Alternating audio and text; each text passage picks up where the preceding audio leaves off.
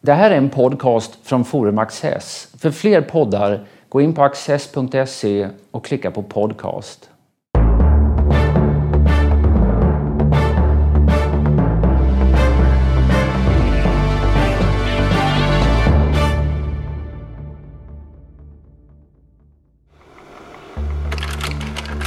Johan Peter Eckermann har gått till litteraturhistorien inte i sin egen rätt utan för sin aldrig sviktande omsorg när det gällde att nedteckna yttranden av den till åren komne Johann Wolfgang von Goethe. Några år efter Goethes död utgav Eckermann Samtal med Goethe under hans sista levnadsår. En bok som av en sentida litteraturhistoriker har karaktäriserats som ett stenbrott för citat. Möjlighet att lyssna till Goethe hade Eckermann fått eftersom han hade blivit städslad som medarbetare för en verkutgåva. Om Eckermans övriga, så att säga självständiga produktion meddelar Uggleupplagan av Nordisk familjebok resolut.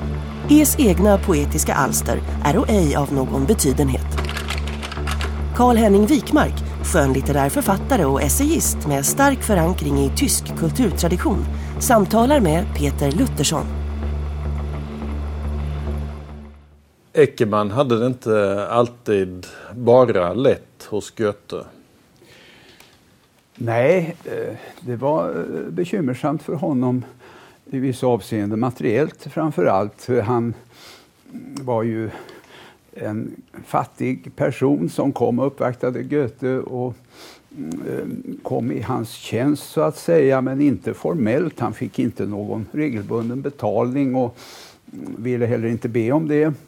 Utan det etablerades istället någon sorts kollegialt vänskapligt förhållande som kanske försvårade för Goethe att eh, sätta honom på, på eh, lönelistan så att säga. Så att han hade det nog ganska svårt, eh, Eckermann, under de här åren med Goethe och fick avstå från att gifta sig till exempel. Han bodde ganska påvert och han fick försörja sig på extra lektioner, mm, särskilt i engelska och en av de unga prinsarna var, var hans eh, elev under en längre period. Vad man kan säga det, det är när, när, detta, när de råkas, de, är, de har ju ganska olika ålder. Eh, samtalen som Eckermann skriver ner de börjar på sommaren 1823. Mm. Och då är Eckermann ungefär 30 år gammal och Goethe ungefär 75 år gammal. Mm. Eh, och Eckermann kom ifrån mycket enkla förhållanden. Ja, ja nej, men han måste ha varit uh, ett beundransvärt exempel på autodidakt, för det var han ju i stort sett. Så han kunde från början, tycker jag, eh, föra ett samtal på något sån lika fot eh, med Goethe. Han, han, visade stor... Han behärskade Goethes eh, verk helt och hållet. Han hade läst allt av Goethe. Mm, och, och skrivit en bok? Ja, han hade skrivit en serie poetologiska studier med särskild hänsyn till Goethe, som det heter i, i undertiteln. Och den där mm, framlämnade han då till Goethe i hopp om att Goethe skulle förmedla den till en förläggare, vilket han också gjorde. Så att Goethes förläggare Kotta gav ut den där eh, lilla skriften. Mm. Och därmed var, var förbindelsen etablerad. Goethe såg vilka möjligheter eh, han fick genom denne unge man. Eh, han hade behov av hjälpredor. Mm, inte bara så att han dikterade för sekreterare, vilket han också gjorde. Det gjorde han inte med Eckermann. Utan där hade han en, eh, eh några andra som hette Jon och Schuchart och andra. Utan eh, för Goethe var Eckermann en begåvad eh, ung samtalspartner som hade förmågan att stimulera honom, inte bara eh, i, i, i, samtal, utan också att driva på hans författarskap. Så att han säger rent ut att utan Eckermann så hade jag aldrig fått min Faust färdig. Mm. Därför att Eckermann hade en sån inlevelse mm, i det här verket att han hjälpte mig i hög grad. Och även Dikt och sanning eh, hjälpte Eckermann till med att sovra och redigera och gav uppslag. Och om man tittar på samtalen så Eckermann är ju inte vad ska jag säga, undergiven eller anonym utan han tar plats i samtalen också. Han är inte rädd för att ha egna uppfattningar. Och han börjar ju också med en slags självbiografi över hur han hamnade där han hamnade och är på det sättet inte eh, anonym eller undanglidande utan är tydligt närvarande redan ifrån början. Ja, eh, man får säga att han, han, han höll en fin balans där. Eh, han ger sällan uppslaget till ett samtal. Utan det, det vanliga är att Goethe ber honom komma eller eh, vinkar honom till sig från sin vagn och hoppas att de ska kunna få ett samtal och så promenerar de kanske. Och det är Goethe som anger mm, ämnena för samtalet i allmänhet. Men eh, som sagt, Eckermann tvekar inte att komma med egna uppfattningar och eh, får då också beröm. Och det kan man ju säga att det var kanske Goethes sätt att kompensera honom lite för att han gick där fattig och, och använde sin tid på att, att mm, prata med den gamle diktaren. Eh, Eckermann skriver någonstans att eh, det finns ett ställe där Goethe gör sig lite ro rolig över Eckermann. Att eh, eh, han är alltid frånvarande utom när han är på teatern. Och så kommenterar Eckermann att eh, ja, de skrattade på min bekostnad. Men det får de gärna göra för att eh, eh, jag ser det som ett stort privilegium att ha fått komma i den här miljön och, och prata med dem och lyssna på dem. Så att eh, det kan jag ta. Ja.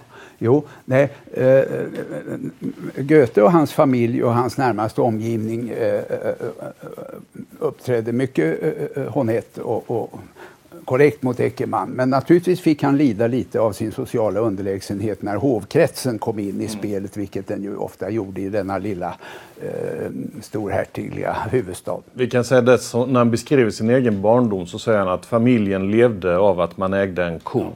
Och han, han vaktade djur och eh, han eh, eh, hade ingen skolgång. Han hade nödtorftigt lärt sig att läsa. Eh, men eh, eh han kände inte till att poesi eller sköna konster existerade, skrev han. Men så hade han talang för att teckna som någon upptäckte. Och denne någon satte honom i, i skola så han fick lära sig språk, franska och latin. Och, och han fick också bättre kläder, skriver han. Mm. Eh, och sedan var han soldat eh, i befrielsearmén emot Napoleon och marscherade kors och tvärs i Tyskland. Och tog då tillfället i akt att titta på kyrkor och kyrkmålningar och sådant som blev ett eh, slags universitet för honom. Och när han var 25 började han i gymnasiet som han sen aldrig fullföljde den utbildningen. Så att eh, det är klart att han kommer ifrån eh, eh, en väldigt främmande miljö än hovkulturen i Weimar. Ja, nej, det är en ovanlig levnadsbana verkligen. Och, och, mm, som du sa, han, han anmälde sig som frivillig 1813 mm, i kampen mot, mot eh, fransmännen. Eh, och eh, sedan fick han då en liten post i militärförvaltningen som registrator. Mm. Så han, han, hade eh, en kort period som yrkesman och sedan så, eh, så slog han sig på eh, litteraturen och skrev poesi som eh, jag ärligt talat inte har läst men som i allmänhet betecknas som ganska medelmåttig. Mm. Till skillnad då från hans stora verk. Och där var det också militären som hjälpte honom att få någon poesi tryckt ifrån början som gjorde att utan att han hade klarat av att slutföra gymnasiet så fick han ändå komma till universitetet ja. och läste lite juridik och, och vad det var. Eh, men, eh, men eh, försökte framförallt etablera sig eh, litterärt. Ja, nej han hade väl gynnare som, som såg hans begåvning.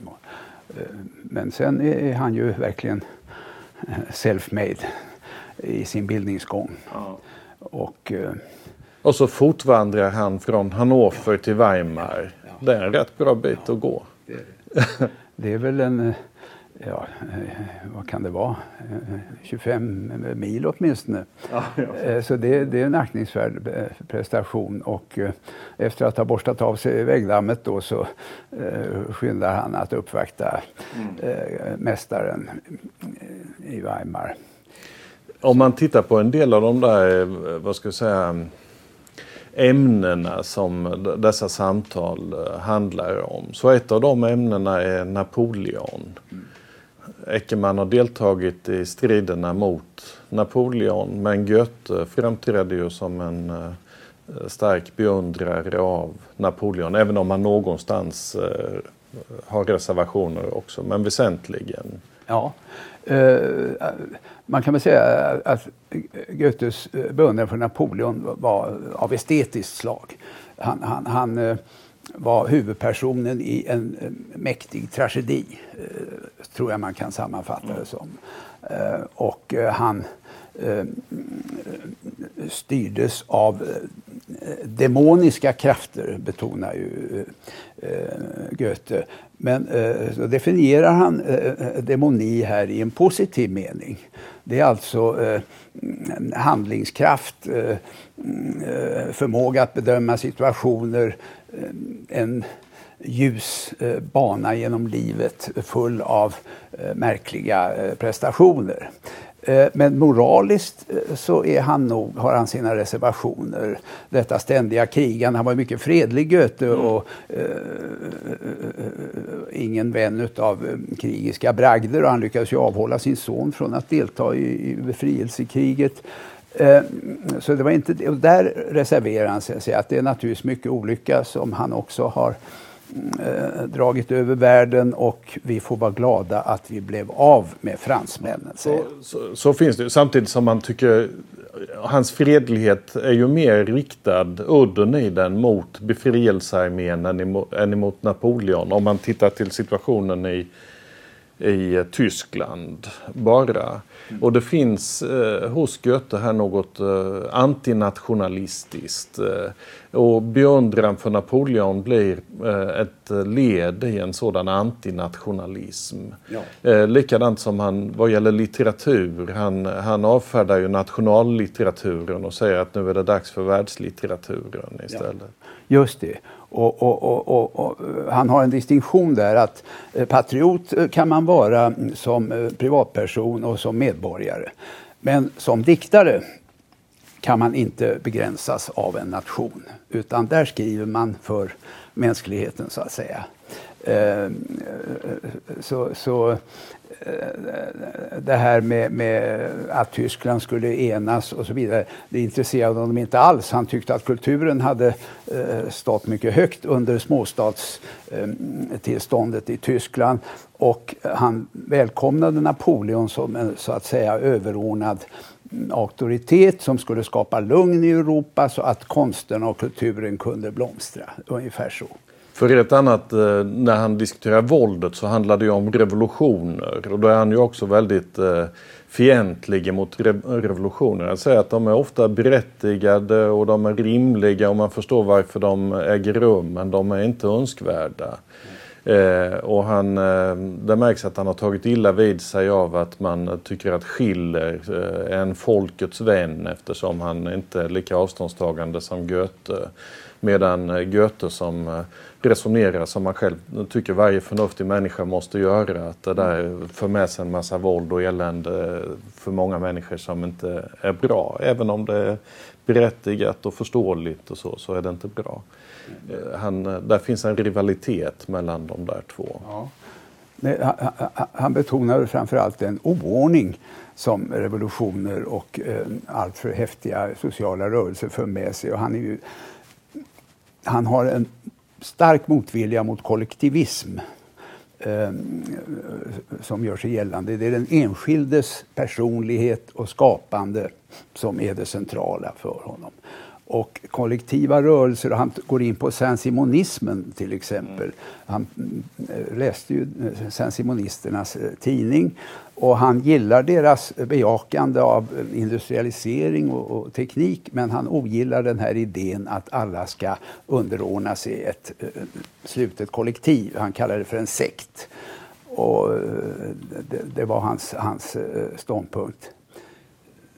Annars just det här som du är inne på med modernisering är han ju väldigt positiv till och han, ehm, han ägnar ju utrymme i de här samtalen också att diskutera om en del eh, eh, storslagna projekt som man gärna skulle vilja se att de blev av. Till exempel ett, eh, eh en byggnation av en Panamakanal. Den idén har hämtat hos Humboldt men, eh, men eh, han, eh, han eh, bejakar ju det där väldigt. Tänk vilken vinst för världshandeln om man lätt kunde ta sig Eh, över här mellan Atlanten och, och Stilla oceanen eller Stilla havet.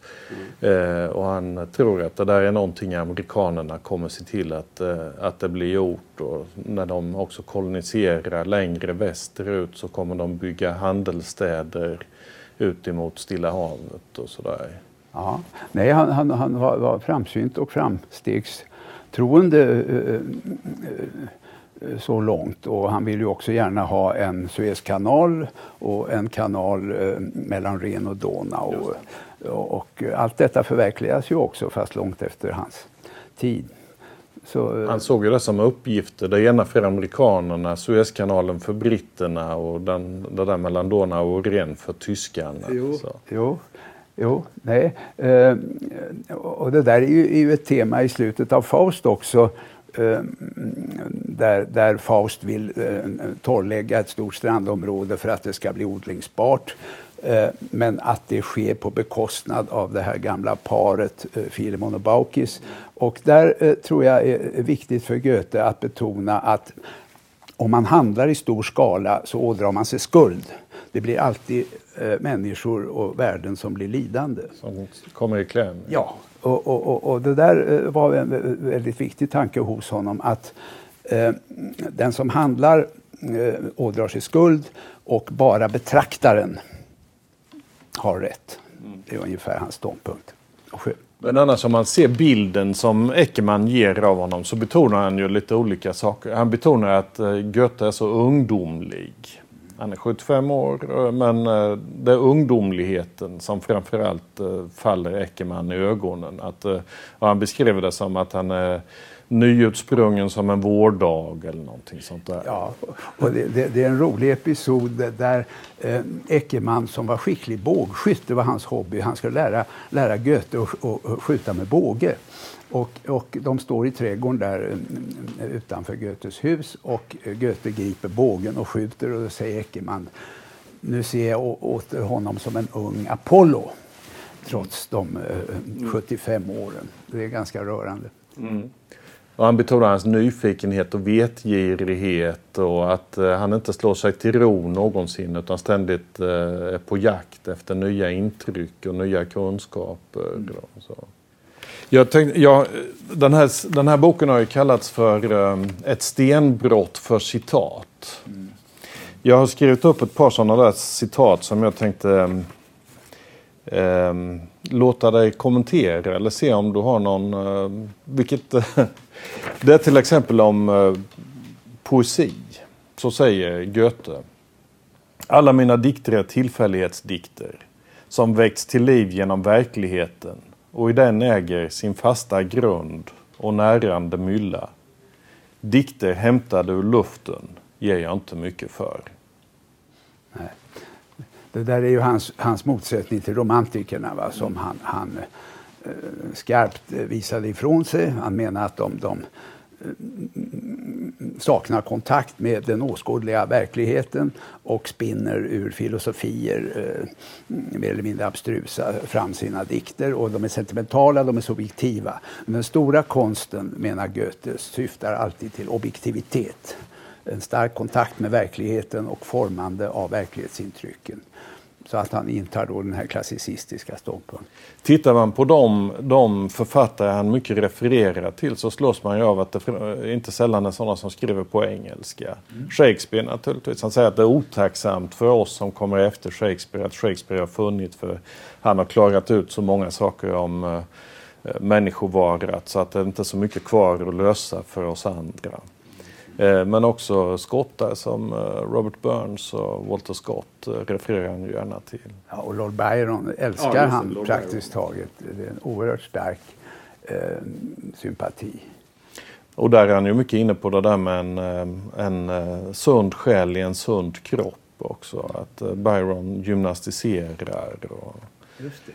Det är också en motsättning han vad ska jag säga, vill upphäva den där mellan eh, ande och natur eller mellan kropp och själ och så. Utan eh, det ska harmoniera. Där, där bidrar Eckermann genom att säga att, att läsa en, en dikt av Byron det är som att se en ung man som springer upp ur badet, ur, ur havet, fräsch. Och, eh, och då säger Goethe att det var mycket träffande liknelse.